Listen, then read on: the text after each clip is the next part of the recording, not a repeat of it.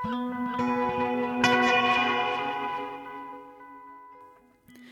og sæl, ágættu hlustendur, Jóhannes Ólafsson og Halla Harðardóttir hils ykkur úr hljóðstofu Vísjár þennan mánudag 5. júni. Og í þætti dagsins, pólsk menningarháttíð og náttúran í hjeðinsferði. Í vikunni verður haldinn pólsk menningarháttíð í samstarfi þjóðleikúsins og teater im Stefan Seromski leikúsins í Kielce í Pólandi. Þau sína á förstu dag leiksýninguna Gróskan í grasinu á stóra sviði þjóðleikúsins, leikverk sem byggt er á kveikmyndinni Splendor in the Glass frá 1961. En þar að ekki verður á háttíðinni opin vinnustofa um aðferðir sviðslistana sem byggðar eru á þjóðlegum pólskum arfi og menningu og einnig fyrirlestur um pólskan þjóðararf og byrtingamindir hans í pólsku leikhúsi. Una Þorleifsdóttir leikstjóri sem hefur starfað í Stefan Seromski leikhúsinu kemur til okkar rétt á eftir og segir okkur betur frá háttíðinni og menningarlegum tengslum Póllands og Íslands. Á síningunni Fram fjörðin seintum haust sínir Sigtryggur Bjarni Baldvinsson stór varslitaverk þar sem að lífriki Hjeðinsfjörðar er í aðalutverki. Verkin eru afrakstur vinnu síðustu tvekja ára en þessi eigðifjörður á Tröllaskaga hefur verið viðfangsefni listamannsins í nær tvo áratvíi. Sigtryggur lítur á vinnuna í híðinsfyrði sem tilraun til þess að hlusta á náttúruna, leita frétta og miðla mikilvægum bóðskap sem er dýrmætt lífrikið og undirleikjandi náttúru vá. Þess að miðla og vera einhvers konar tengileður á milli náttúru og áhorfanda segist Sigtryggur vilja gera fallega verk þó fegurðin eigi oft undir högg að sækja í samtímalist en hann er sannferður um að fegurðin sé varnarkerfi náttúrunar. Meira um það hér á eftir í samtali við listamannin sem hefur fært okkur fréttir úr hjeðinsfyrði síðust ár. En við ætlum að byrja því sjá í dag á Pólsku leikhúsi. Jakbym zapomniała pinu do mojej karty pamięci mnie. Biorę wszystko na siebie. Kto ją tu leczy? Niech dadzą Jak tu najlepszych, tłoczno jakich wokoło. mają tam. Wszyscy coś mówią, biegają, krzyczą coś. Pan ją leczy, tak? Zaraz, co to za... Núna framundan er pólsk menningarháttíð sem haldin verður í samstarfi við þjóðleikhúsið. Það er pólska leikhúsið Teater im Stefan Seromski leikhúsið í Kielce í Pólandi. Sýning leikhúsins Gróskan í grasinu verður sett upp á stóra sviði þjóðleikhúsins. Það verður haldinn opin vinnustofa um þær aðferðir sviðslistana sem byggðar er á þjóðlegum pólskum arfi og menningu. Og það verður líka fyrirlestur um pólskan þjóðararf og byrtingamindir hans í pólsku leikhúsi. Og uh, hér hjá okkur til að segja okkur betur frá þessu er Una Þorlefsdóttir leikstjóri. Verður velkomin. Takk fyrir. Var ég með pólska framburðin sæmilegan hérna? Já, cirka held ég sko. Þetta er, alltaf, þetta er alveg svolítið beiging, beigingar atriði líka eins og í íslensku. Ég hef örgulega sagt Stefan Serum Skeko leikúsi. Já, já, já. Það beigist og Það breytist. beigist og breytist eftir samingi sko. Akkurat. Segð mér frá þessari pólsku menningarháttíð sem hefst núna á, á miðvikudaginn og stendur í nokkra daga. Já, Hvað er svona helsta sem að, sem að er að fara að gerast sko ég myndi segja það sem kannski um, væri fyrir flesta, væri þessi síning á gróskan í grasinu á föstu daginn. Mhm. Um, þetta er uh, síning sem var sett upp, ég man ekki hvernig hún var frumsyndi þar allavega svona fjögur, fjögur, fimm ár síðan og er mjög áhugaverð um, og byggði á síkildri kvikmynd eftir Elia Kazan sem kom út og er í rauninni ástarsaga og takja úlinga svolítið svona Róma og Júlia komu ólíkum, ólíkum hérna, ólíkum bakgrunn og svona, og svona rekur þeirra sögu Oh, Bud. Bud, it's broad daylight. Come here. Stop it. Stop it. Come on now. Bud, people can see us. Now, come on. Stop it, Bud. Svona, sko, því ég hef séð sýninguna og, svona, og heldur getur bara mjög áhugaverð fyrir fólk að horfa og sjá hvernig þau eru að vinna með leikhúsið, leiksturinn og, og leikararnir í þessari sýningu. Hún er tekstuð, bæði á ennsku og íslensku ef ég man rétt. Já. þannig að maður getur bæði bara hlusta og horfa hort eða reynda að skilja eða lesið, þannig að hérna, ég myndi segja að það væri svona kannski og alltaf gaman fyrir okkur að fá síningar elendis frá sem eru úr öðrum sko, menningarheimi með annan menningabakurinn og nálgast uh, leikhúsið annan hátt. Zaraz, to chyba któryś tam początek. Dobra, nie czepiaj się. Wake up tylko. Aniołku. Wszystko się zeruje, jest we mnie chaos, mętlik mam. Że chyba nie potrafiłabym wam podać mojego peselu. Það er náttúrulega rosalega löng hefð og saga í Pólandi fyrir leikhúsi og leikhúsi er sko uh, mjög stert afl í pólskri menningu. Mm. Það er ekki ósjaldan sem að það er reyfist um leikhús og jafnvel á þingi og síningar og þá að banna og reytskoða og þú veist að það eru sko, það er hafa, leikhúsi talið hafa slíkt afl menningarlega Mm. að það skiptir máli hvað það verður að segja þar uh, og það er bara mjög hérna, áhugavert að fá og sjá, og sjá eitthvað sem kemur úr slíkum heimi sko. Og er það mikil breytt í sko leikhús, það eru allt frá bara þessum pínulitlu leikhúsum alveg, það er mjög stór breytt sko. uh, þetta leikhús uh, Serumske, Stefán Serumskek og Kjálsi er svona eins og við myndum bara tala um hérna, borgarleikhúsið er svona hérna, héraðsleikhús í, í þessu hérna, héraði Mm. og þetta er svona suð austur Pólandi eiginlega mitt á milli hérna, Varsjá og Kraká uh, og þetta eru 144 ára gammal leikús um, þannig að það er löng hafð sem uh, likur að baki. En þú, þú hefur verið að leikstýra úti í Pólandi uh, í þessu, þessu já. segð mér aðeins frá hvernig svo upplifun var. Fyrsta skiptið er náttúrulega bara mjög áhugað fyrir mig að koma inn í eitthvað sem að hérna, eins og ég var að segja á hann sem er svona ólíkt í hugmyndum sínum um leikhús og, og sko hvernig e, talaður um leikhús og talaður við mig svona um það sem ég geri. E, mér fannst það mjög áhugavert. Um, ég hef aldrei farið í svona mörg viðtöl á æfinni bara hérna, um, um sko þá ekki meira um pólitík og fagfræði og svona hluti sem eru kannski svona meira heimsbyggi heldur en hérna að maður upplýður oft hérna heima. Mm. uh, en svona í vinnunni sjálfri fannst mér ekkit svo ólíkt sko að því í grunninn þá er náttúrulega mest af vestrætni svona leiktúlkunar að, mest af vestrætni leiktúlkunar aðferðum og svona leikhús og sviðslista aðferðum koma á sama grunni. Í rauninu erum eiginlega öll að vinna með rúsneskar aðferðir meðvitað eða ómeðvitað Já. eða vinna gegn þeim. Um, þannig að það fannst mér ekkit eitthvað öðruvísi sko. Nei, það var aðalega svona umgjörðin og svona alltaf ótrúlega gaman að vinna inn í svona gamlu leikúsi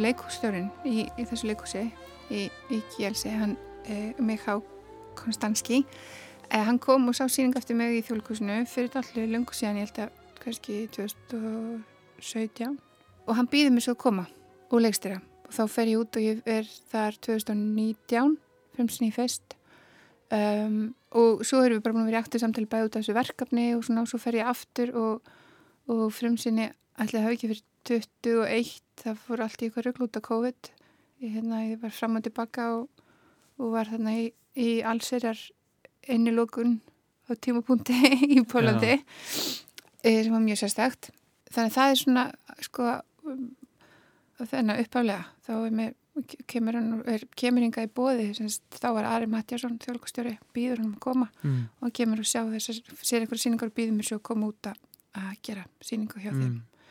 Og svo ég, já, beðið mér koma aftur. Já, og var, var þetta, voru þetta mikil viðbreyði einhvern veginn, þú, þú varst að lýsa því hérna, þetta væri, það væri margt svona, já, í, í hugmyndavinnunni einhvern veginn í svona leikhús landsleginu sem væri svipað en, en það var eitthvað svona, eitthvað nýtt líka og, og þetta er náttúrulega nýtt tungumál, nýtt, nýtt svæði, um, þetta hljóta að hafa verið einhver viðbreyði og, Í það er náttúrulega sko alveg rosalega uh, gefandi fara inn í svona eitt umhverfi sem listamæður þú kynist náttúrulega uh, öðrum listamæðum sem sko hérna uh, eru með bara allt annan bakgrunn og allt annan sko heimirinn og sögu sem bara og, og hérna heldur en ég.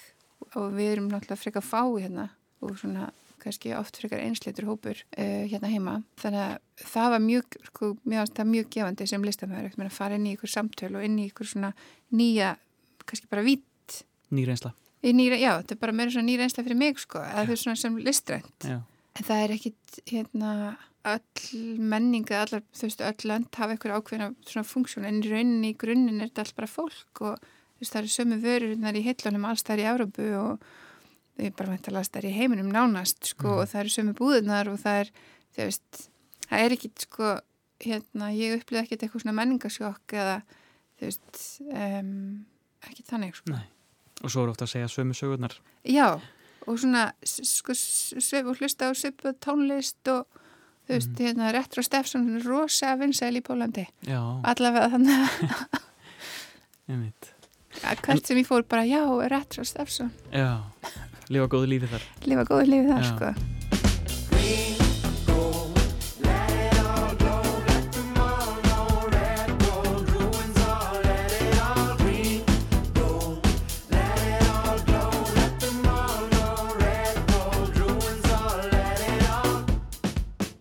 Hvernig kemur þetta til, þessi, þessi pólska menningarháttíð sem nú er framöndan?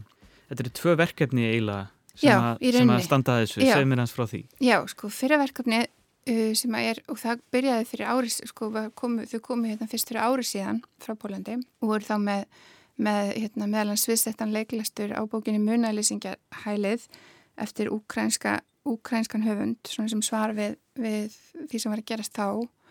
Um, en þetta er, sérst, uh, þetta verkefni styrta uppbyggingasjóði EES og kemur til að upphálega í sko bara samstali milli uh, af því ég var svona búin að vera að fara til Pólans að vinna og kem og svona milli mín og, og þeirra á þjóðleikúsins uh, og snýra það er, semst, upp, það er hérna, EES sjóðurinn er að styrkja semst, endurbætur og upp, endur uppbyggingu á þessu eldgamla leikúsi Mm. Um, það er hérna ytrabyrðir leikúsins í friðað þannig það er, þarf að endur nýja það hefur ekki verið endur nýjað nánast síðan síðan það var byggt. Þannig að það er, þannig að, stórhluta styrkum snýst um það fyrstu verkefni um endurbyggingu þessar leikús og endurmentun starfsfólks. Um, af því þá er náttúrulega komið ný tækni og nýjir möguleikar um, sem að hafa ekki verið til staðar Mm. í þessu eins, eins og húsi var. Og þannig að þess vegna komuðu hérna til dæmis fyrir árið síðan. Og þá komuðu og voru vinnustofur starfsmanna að tækni fólks eh, alls, all, alls starfsfólks í leikhúsi voru vinnustofur og, og leikara líka. E, og svo er þetta núna hérna kemur þessi síning sem er hluta því verkefni. Og verði, aðeins svona fundur og vinnustofur kringum það. Og svo fer þjóðleikhúsið út í mars uh, 24 inn í þá nýbyggt leikhús endur upp og verður með síningu og það verða fleiri vinnustofur tengdar því Mm. og í, og í hluta þessu er svo líka að það verið að skrifa leikrit um, um Póland og Ísland af hérna pólsku leikskáldi sem myndir Veronika Múrek og hún kom hérna fyrir ári síðan og var með vinnustofur og var að gera rannsóknir og það verður líka fyrir umsýnt á 145 ára ammali leikusins 7. janúar 2024 Eru þau að eh, ferðast víða um? Þau ferðast mjög við það, já, fara Já. mikið, þú veist, mikið búið að hátir og hafa farið, þú veist, út um allt með síningarna sínar, sko. Mm. E, og þetta er náttúrulega svona repertoirleikus, þannig að það er svolítið öðruvíseldur en við þekkjum.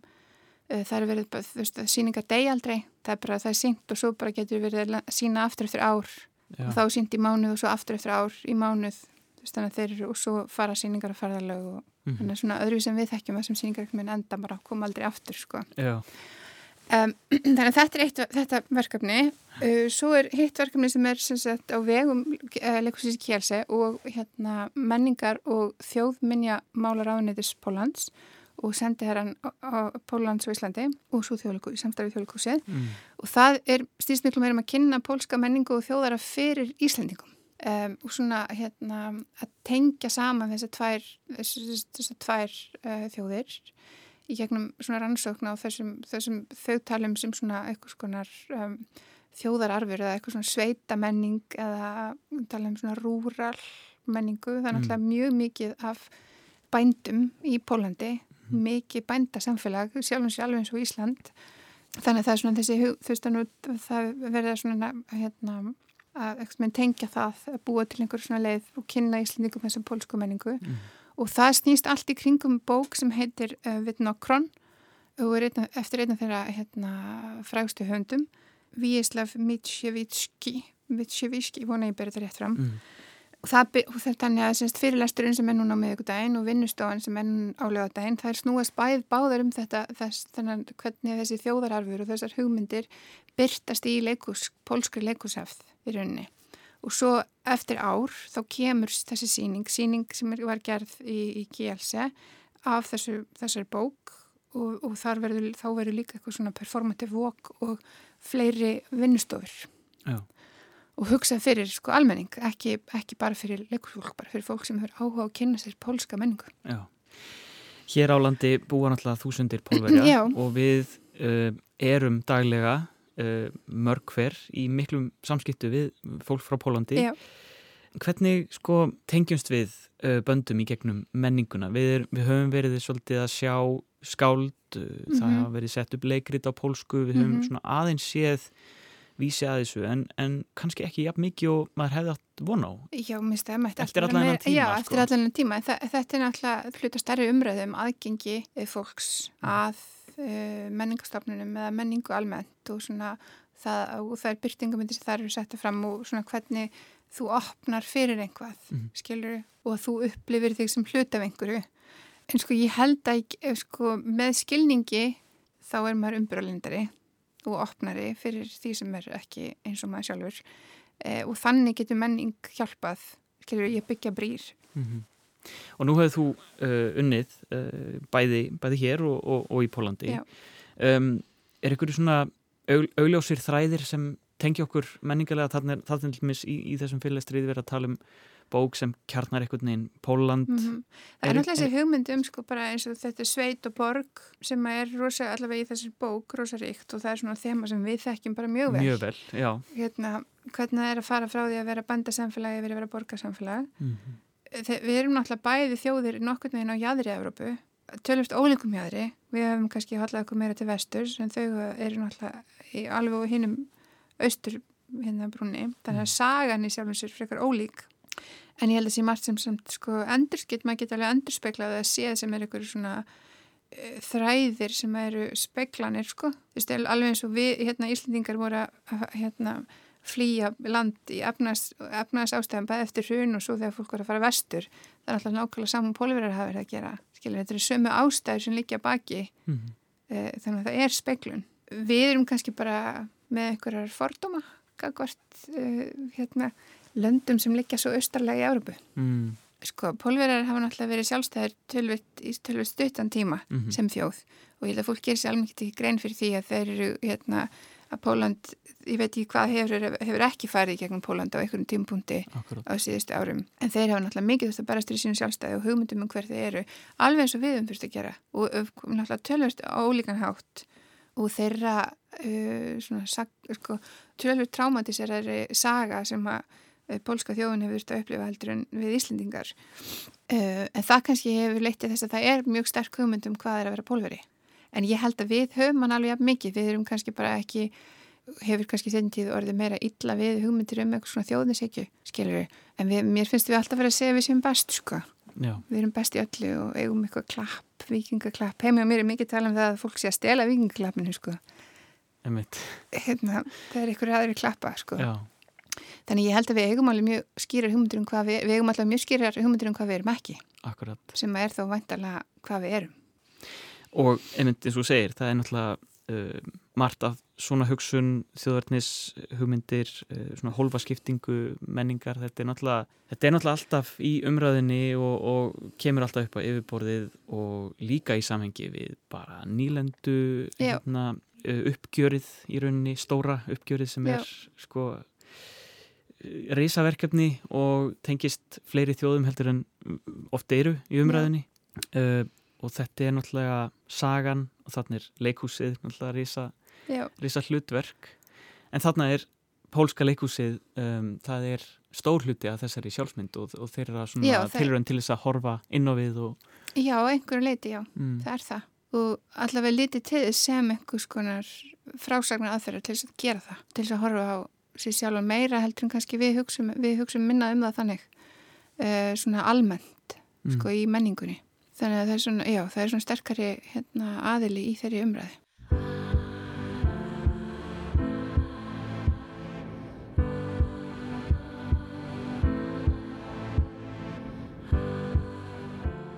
En uh, pólsk menningarháttíð, þetta er náttúrulega bara til þess að svona, við nota leikúsmyndmálið, draga tjöldin svolítið frá þessar, milli þessara tvekja, landa og Já. þessara tvekja menningar heima Já.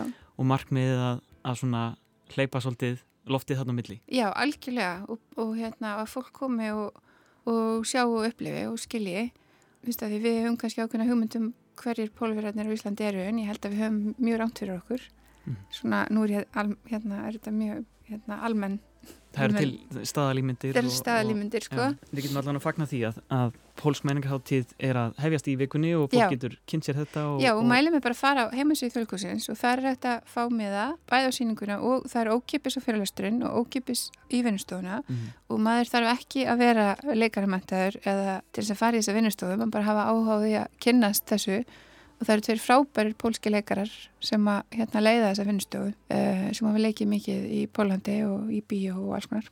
Þannig ég hérna, mæli sko, bara endrið með því að fólk gerða og skelli sér á síningu Þannig er þetta að læra um pólska sögu og, og menningu Já. og leikhús. Já.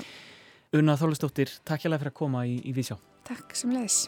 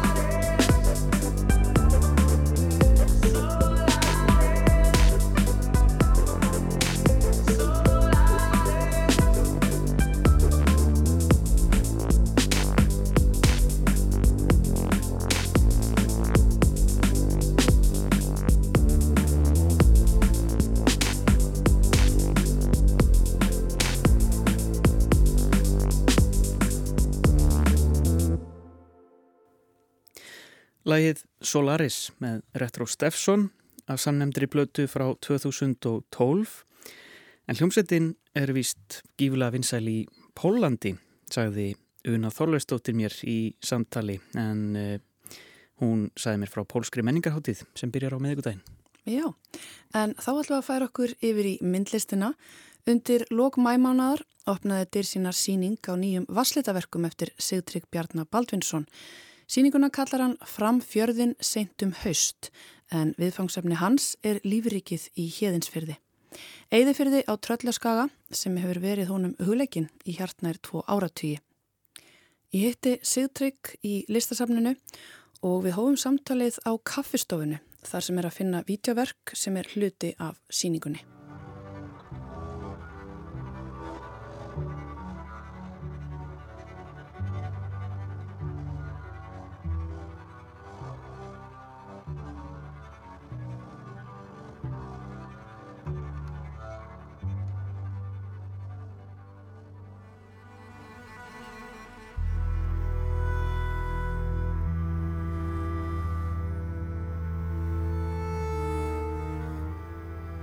Hérna er ég með uh, videóverk sem að sem að fylgir þessari síningu minni frá fjörðin sendum haust og, og er eiginlega tilengað eða en þar eru, hvað maður að segja, aðar leikendunir, það er, það er bleikjupar sem að er að undibúa sig undir hrigningu í hérðinsverðar á en síningin snýst mjög mikið um þennan stað. Og tónlistin fallega sem að heyrist vonandi hérna passlega mikið í bakgrunni er, er eftir er eiginlega útsetning um, Valger Sigurssonar tónskáls á gríðarlega fallegu verki uh, eftir Bach sem að er held ég þýtt til þín á íslensku Ich rufe dich. Og er bæn og er oft spiluð held ég við jarðafarið svona kirkjulegar aðtafnir og ástæðan fyrir því að ég er með svona maður að segja sorglega tónlist undir þessu annars fallega vídeói af, af, af þessari mynd af bleikjupari að að undirbúa hrigningu í fallegu áni fyrir norðan er svo að bleikjan er að yfirgefa okkur. Hún er að fara. Við vitum ekki alveg hvað það er en, en nema hvað við vitum að það tengist öruglega lofslagsbreytingunum það má eiginlega segja að bleikjustofnun sé að hrinja búin að vera að hrinja það er allavega að maður setur út í eitthvað svona uh, svona venjulegan tímaskala þar sem við breytum uh, erum að monitera breytingar í lífríkinu.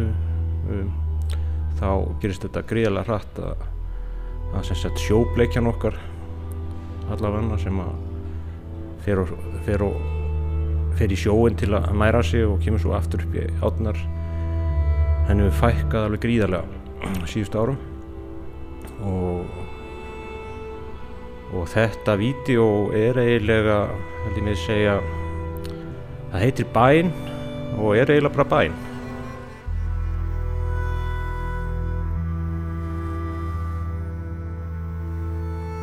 Þannig eru að fylgjast með upphafi lífs en samt eru endalók og síningin kallast seint um haust. Tilfinningin er svo að það sé langur vetur að koma jafnvel. Já, þetta er sem sagt um, því síning er búin að vera að gerjast í hausnum að mér í allmörg ár og, og svona og ég fóð svona alveg að vinna að henni svona fyrir svona tveimur árum síðan. Og þá mótaðist þessi hugmynd hjá mér að að, um,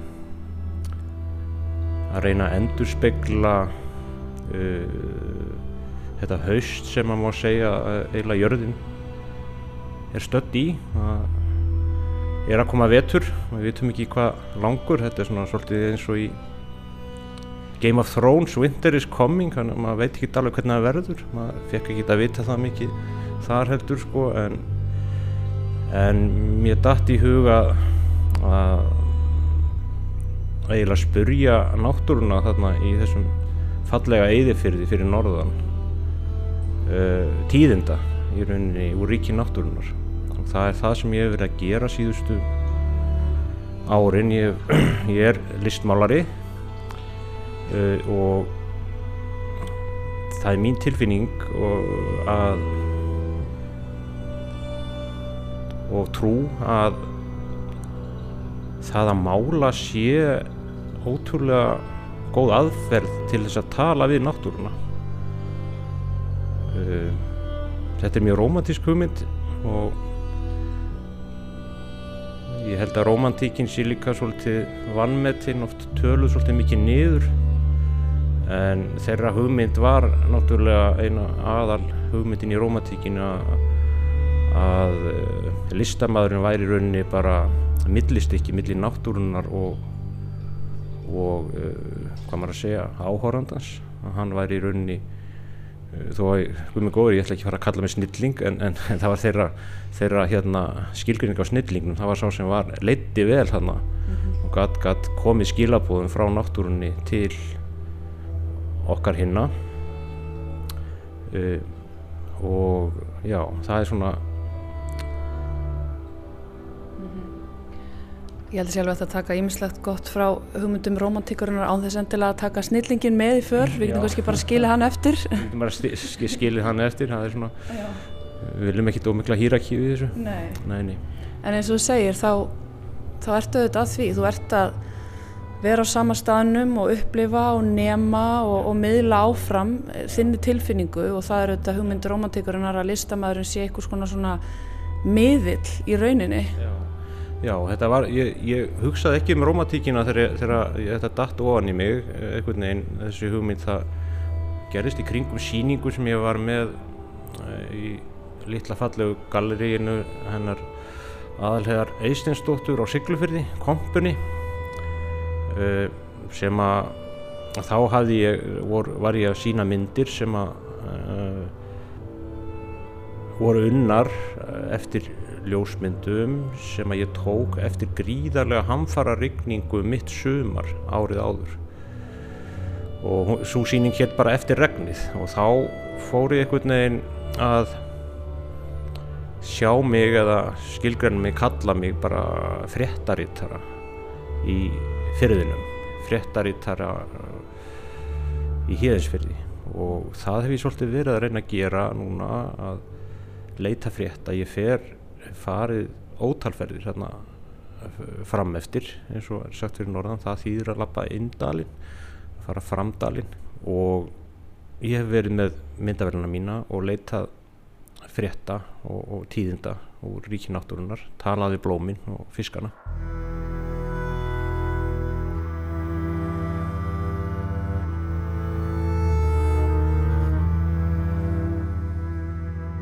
Trúur því einlega að það sé hægt að hlusta á náttúruna og hún miðli einhverjum skilabóðum til okkar?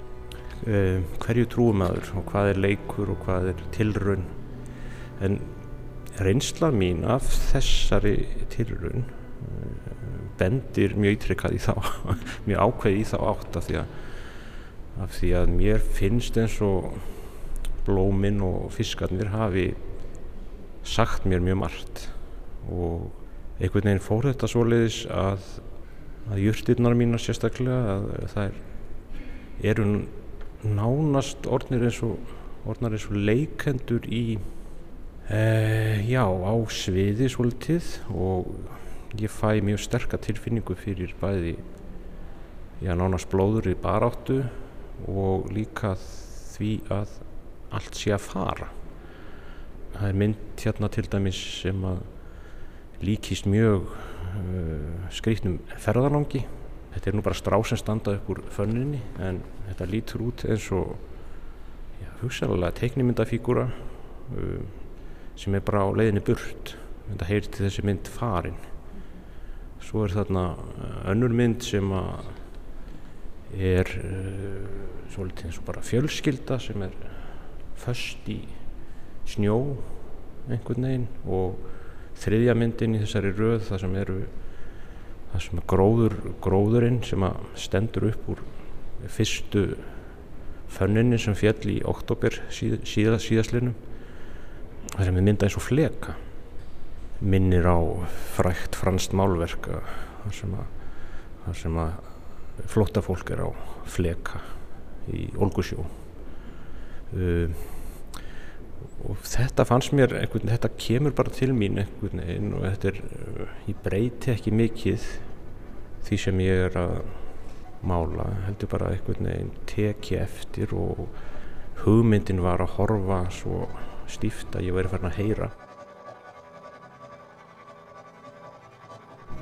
Ég eignaðist jörð þarna með konunum minnu og mái og svilkonu uh, kringu 2006 Eyðijörð í Híðinsfyrði þar sem hefur ekki verið búið á í meirinn 100 ár. Og þar hef ég verið að uh, komið aftur og aftur. Og í setni tíð af því að jörðin er það viðkvæm að það er ekki hægt að með góðum mót að byggja hús þar. Svo ég er alltaf að koma í svona dagsverð, ég er alltaf gestur. Og, og, og gestsauðað er ansi glögt, maður einhvern veginn samsamar sér um hverjun og fellur inn í það ef maður er kjur. Þetta kemur kannski 10 15 sinnum á ári lappa þarna fram eftir. Og verandi þessi eilífi gestur þá sé ég svo vel þær breytingar sem er að verða.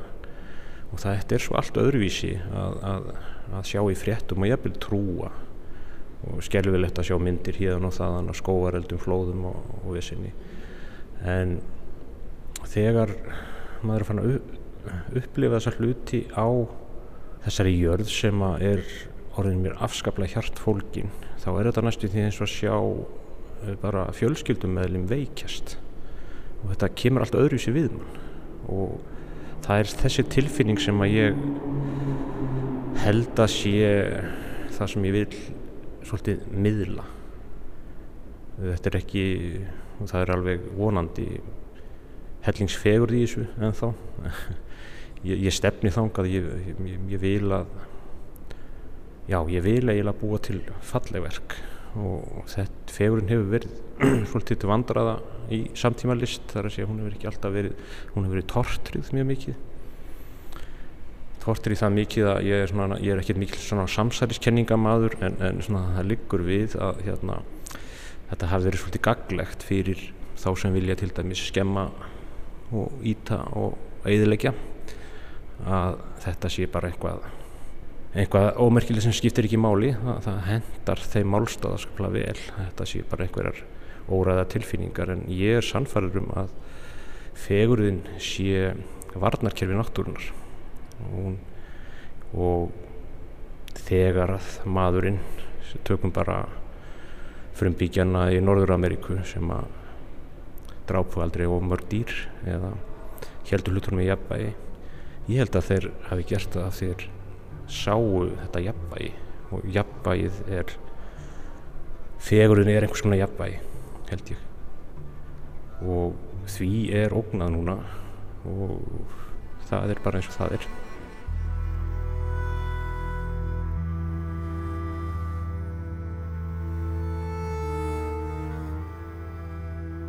Talandi um fegurðina, þú ert búin að vera þarna í nær tvo áratögi að skrásetja og miðla Sko upphálega vegna þess að þú ert búin að vera að vinna verk upp úr þessum fyrði lengi -hmm. og miðla svona í hægum takti náttúrunar -hmm. eins og svona hægfara fréttaritari kannski. Já, já. Það hérna, veldi ég fyrir mér þegar þú byrjaðir uh, talandum fegurðina, var það upphálega bara fegurðin sjálf sem að þú hefði þörf fyrir að miðla úr fyrðinum og fórstu svo hægt og rólega að taka eftir breytingunum eða getur satt mér aðeins frá því? Já, ég held að það sé einmitt þannig að hérna, fyrstu skiptin sem að ég settist á stein í fyrirðinu mínum og þá var það bara þessi indislega og stórkostlega tilfinning sem að sem að mjög margir og flestir sem að gera eitthvað af því að fara út í náttúrun að finna þarna er eitthvað sem að er og verður, þarna finnum maður kyrð þarna getur maður andar rólega. Hér, hér breytist ekkert, hér verður allt hér er allt eins og á að vera. Og það er þessi tilfinning sem að ég held að mjög margir leita meðvitað og ómeðvitað uh, að út í ósnortinni náttúru eða lífsnortinni náttúru. Og svo mikið að þetta er margar nátt komið í orðin okkar svona mestu trúarbröð held ég, það, það er mikil náttúru trú satt að segja menn uh, svona fjöldin fer frekar frekar upp í heiðmörk heldur en í Halljónskirkju, það er bara þannig. Þó að það sé örgulega margt að sækja Hallgrímskirkju líka þá er þetta bara einhvern veginn að verða við erum farin að trúa svolítið á þetta er orðið okkur það heilagasta en út frá spurningun áðan, ég tala oft svo mikið, ég gleymi spurningunni en þá er þetta hérna sem sagt í kringum 2013 sem þetta breytist því að þá er ég búin að vera heilt ár í burtu, ég bjó í Brighton á Englandi og kem síðan aftur í fjörðin minn alveg orðin tínandi á eftirvættingu, ég var búin að mála myndir úr fyrðinum og, og þá bregðu svo við að bara, það er engin fiskur hann er bara farinn og, og allt er í ykkur drasli það er ekkit það er ekkit það er ekki, það er ekki bláber og, og þessi draumastæður var bara hafði orðið fyrir þá hafði tíðafarið verið einhvern veginn þannig að það ringdi svo mikið þegar að bíflugurnar átt að frjóka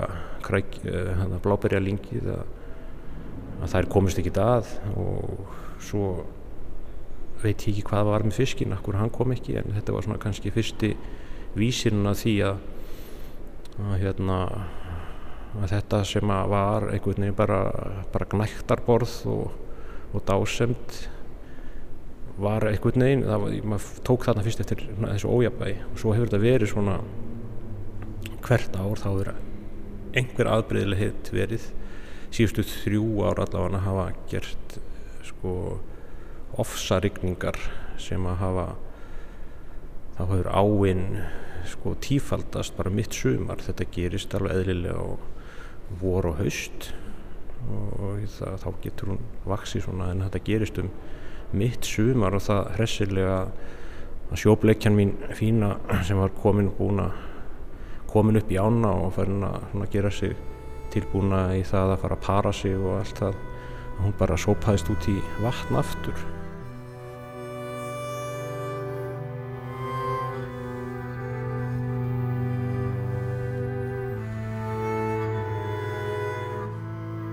Þú ert að miðla þessu en svona upplifunin sem að kannski þið langar alltaf að ná fram, ert, þetta er einhvers konar ákall kannski líka? Já, ég, ég held að þetta er sérstaklega með okkur myndlistamenn alveg síðan, síðan í byrjun 20. aldarinn eða bara með Duchamp kannski uh, þá tók okkur það besta leiði að gera nákvæmlega það sem okkur stettur í hug og kalla það list og einhvern veginn og nota þá aðferðafræði við erum lang frekasta listgreinin við getum gert alls konar. Ég, ég veit ekki alveg hvort að það sé alveg eðlilegt að við getum gert, gert tónverk eða, eða hitt og þetta en, en svo, svona er þetta. Og ég er að segja þetta af því að ég held að ég hef notað í þessari nálgumni ég hef notað aðferðafræði trúarinnar á þess að vera kannski um, ég hef reyndað hérna treysta og, og, og trúa og svo líka byggja og þakka fyrir mig. Og mér finnst það burt sér hvort maður kalla sig trúaðan eða ekki þá finnst mér allavega allt í lagi að gera um það. Uh, og það er mikil mikil hvað maður að segja ég, eins og í mynd sem er þarna bleikjupari Eh, þá málaði ég 24.600 steina. Um, eigilega náttúrun til dýrar þetta var alveg vond fyrir bakið og allt það. En, en, en það er í, í þessum vinnubröðum mínum þá er, er þessi þáttur líka sem er einhvern veginn, er í vinnunni sjálfri að það er að segja um, ég held að Mattís hafi hann kallaði sig trúlausan þó hann hafi, hafi hérna unnið í, jafnvel í búið til kapellur og klaustur og uh, un, unnið verk, verk þannig hann taldi uh, það að vinna upp úr náttúrunu vera, vera einhvers konar bæn. Að það væri og það má segja að það sé það. Þetta er einhvers konar lofgjörð held ég líka.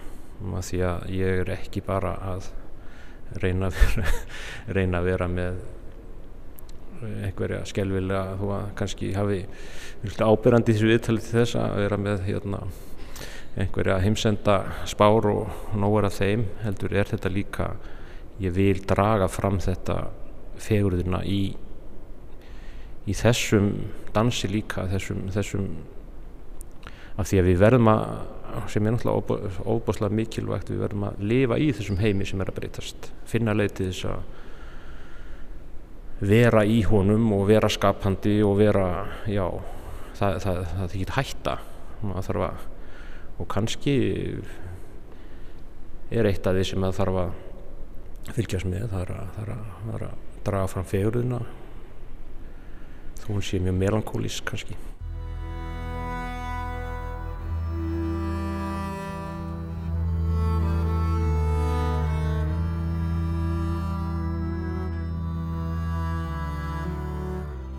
talandi um þetta trúar element þá finnst mér líka sko hvernig þú lýsir því hvernig þú ert að vinna myndindar og yfkunin sjálf og maður fylgjast með sko hérna öllum smáadröðunum og blæbröðunum og það er greinlega mikil tími og vinna sem fer í þetta ekki bara þessa 24.000 og eitthvað steina heldur er það líka bara ferli sjálft. Já, það hefur einhvern veginn komið inn í hjá mér. Það er, ég held að þetta hafi verið eh, kannski á einhverju leiti byrjað þessi hugsun hjá mér að þetta að maður þurfi að leggja á sig um, já bara svona líkamlegt erfiði jafnvel við við, við gerð uh, verkana hafi verið einhvers konar á einhvern nátt mjög, mjög förðuleg yfirbútt af því að ég er sennilega fyrsti ég held að ég sé einn fyrsti listmálarinn íslensku sem notar Photoshop. Það er að segja ég, Photoshop var bara mjög snemma skissubókin mín. Og, og einhvern veginn finnst mér finnst, er einhvern tilfinning í manni að það sé þegar ég er að vinna með náttúrun að það sé einhvern veginn bara akkurat þetta er og að blanda ólí og vatni að, að hérna, fara með þessa viðkvæmi náttúrun í tölvu og vesenast inn í Photoshop öllu. Sko, sem er náttúrulega mjög illa talað um það, það er alltaf verið að en þetta er frábært tæki til þess að bara breyta litum finna sjónar og draga fram hitt og þetta. Mér fannst svolítið eins og þetta ferli að því að ég, það er greinilega eitthvað svona ansi romantísk taug í mér þar að segja. Það að fara út og, og, og finna sér mótífið, ég tek ljósmyndir, endar þetta eru vinnuferðina mínar eru ljósmyndaferðir. Ég á góða stafrana myndavel og, og ég fer í mikinn ham eins og veiðimaður þegar ég er að leita mínum mótífum fyrir verkið mín. Og þá er ég í algjöru algleimi þá er ég fullkomlega einn, ja, svona partur af öllu sísteminu finnst mér. Og ég upplifi þarna mjög sterka stundir og hef gert það þarna í fyrirðinu bæði með blómónum mínum og fiskonum mínum. Eh, en svo þegar þetta er komið þá, þá sko fer kemur vinnan sem er bara dásamlega vinna líka inn í fótósjöpunni til að skoða afræksturinn og flokka og, og, og jafnvel að skerpa og laga og gera, gera ég finnst ég alltaf verið að reyna að færa þetta í átt að meiri sannleika samt.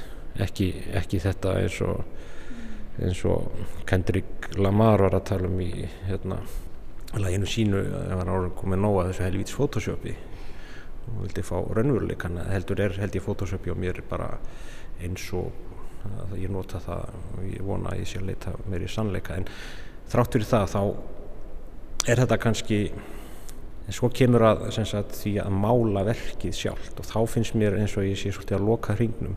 Og, og mér finnst ásamlegt þegar ég að, að þetta eru alls saman vasslitaverk og vassliturinn hefur svo óbáslega mikla náttúru í sér. Hann er svo mikil náttúra sjálfur. Þetta er bara mölin náttúra og vatn og, og það sem að lítur út fyrir að vera fiskur hérna á, eða blóm eru bara upptáttnaði podlar svo að þarna finnst mér að koma einhvern hring. Að fara uh, og sérstaklega ég, að ég veit ekki hvað það er kannski, kannski af því að ég er komin, að vinnandi fólki og hérna og þessari kynslu sem að trúða vinnuna og, og hérna ég gerir það svolítið líka. Mér finnst eðlilegt að þurfa að hafa fyrir hlutunum að maður þurfa að vinna svolítið mikið. Mér finnst bara gott að maður sem að puða í hlutunum. Mér finnst að hlaða gildi á hlutina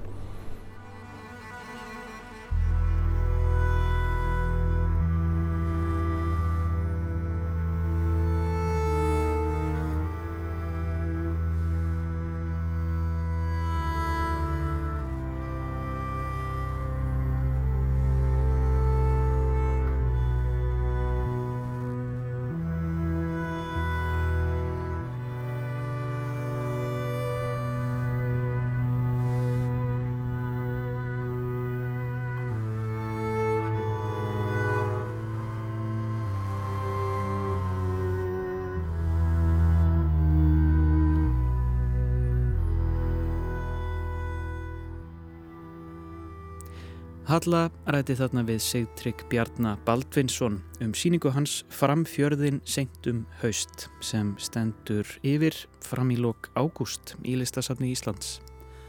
Og við hérðum hér brotur tónlist sem ómar í videoverki Sigtryggs Lægið I Call to You sem er útsetning Valger Sigurssonar á kantötu Bachs Ég rúft svo dýr og sem er að finna á sapdiski með nýjum útsetningum á verkum Bachs en hann kallast Red Hot plus Bach og er frá árinu 2014. Emitt og eh, við ætlum að enda þáttinn í dag á enn annari útsetningu á samalægi eftir annan íslenskan meistara, Viking Heiðar Ólafsson.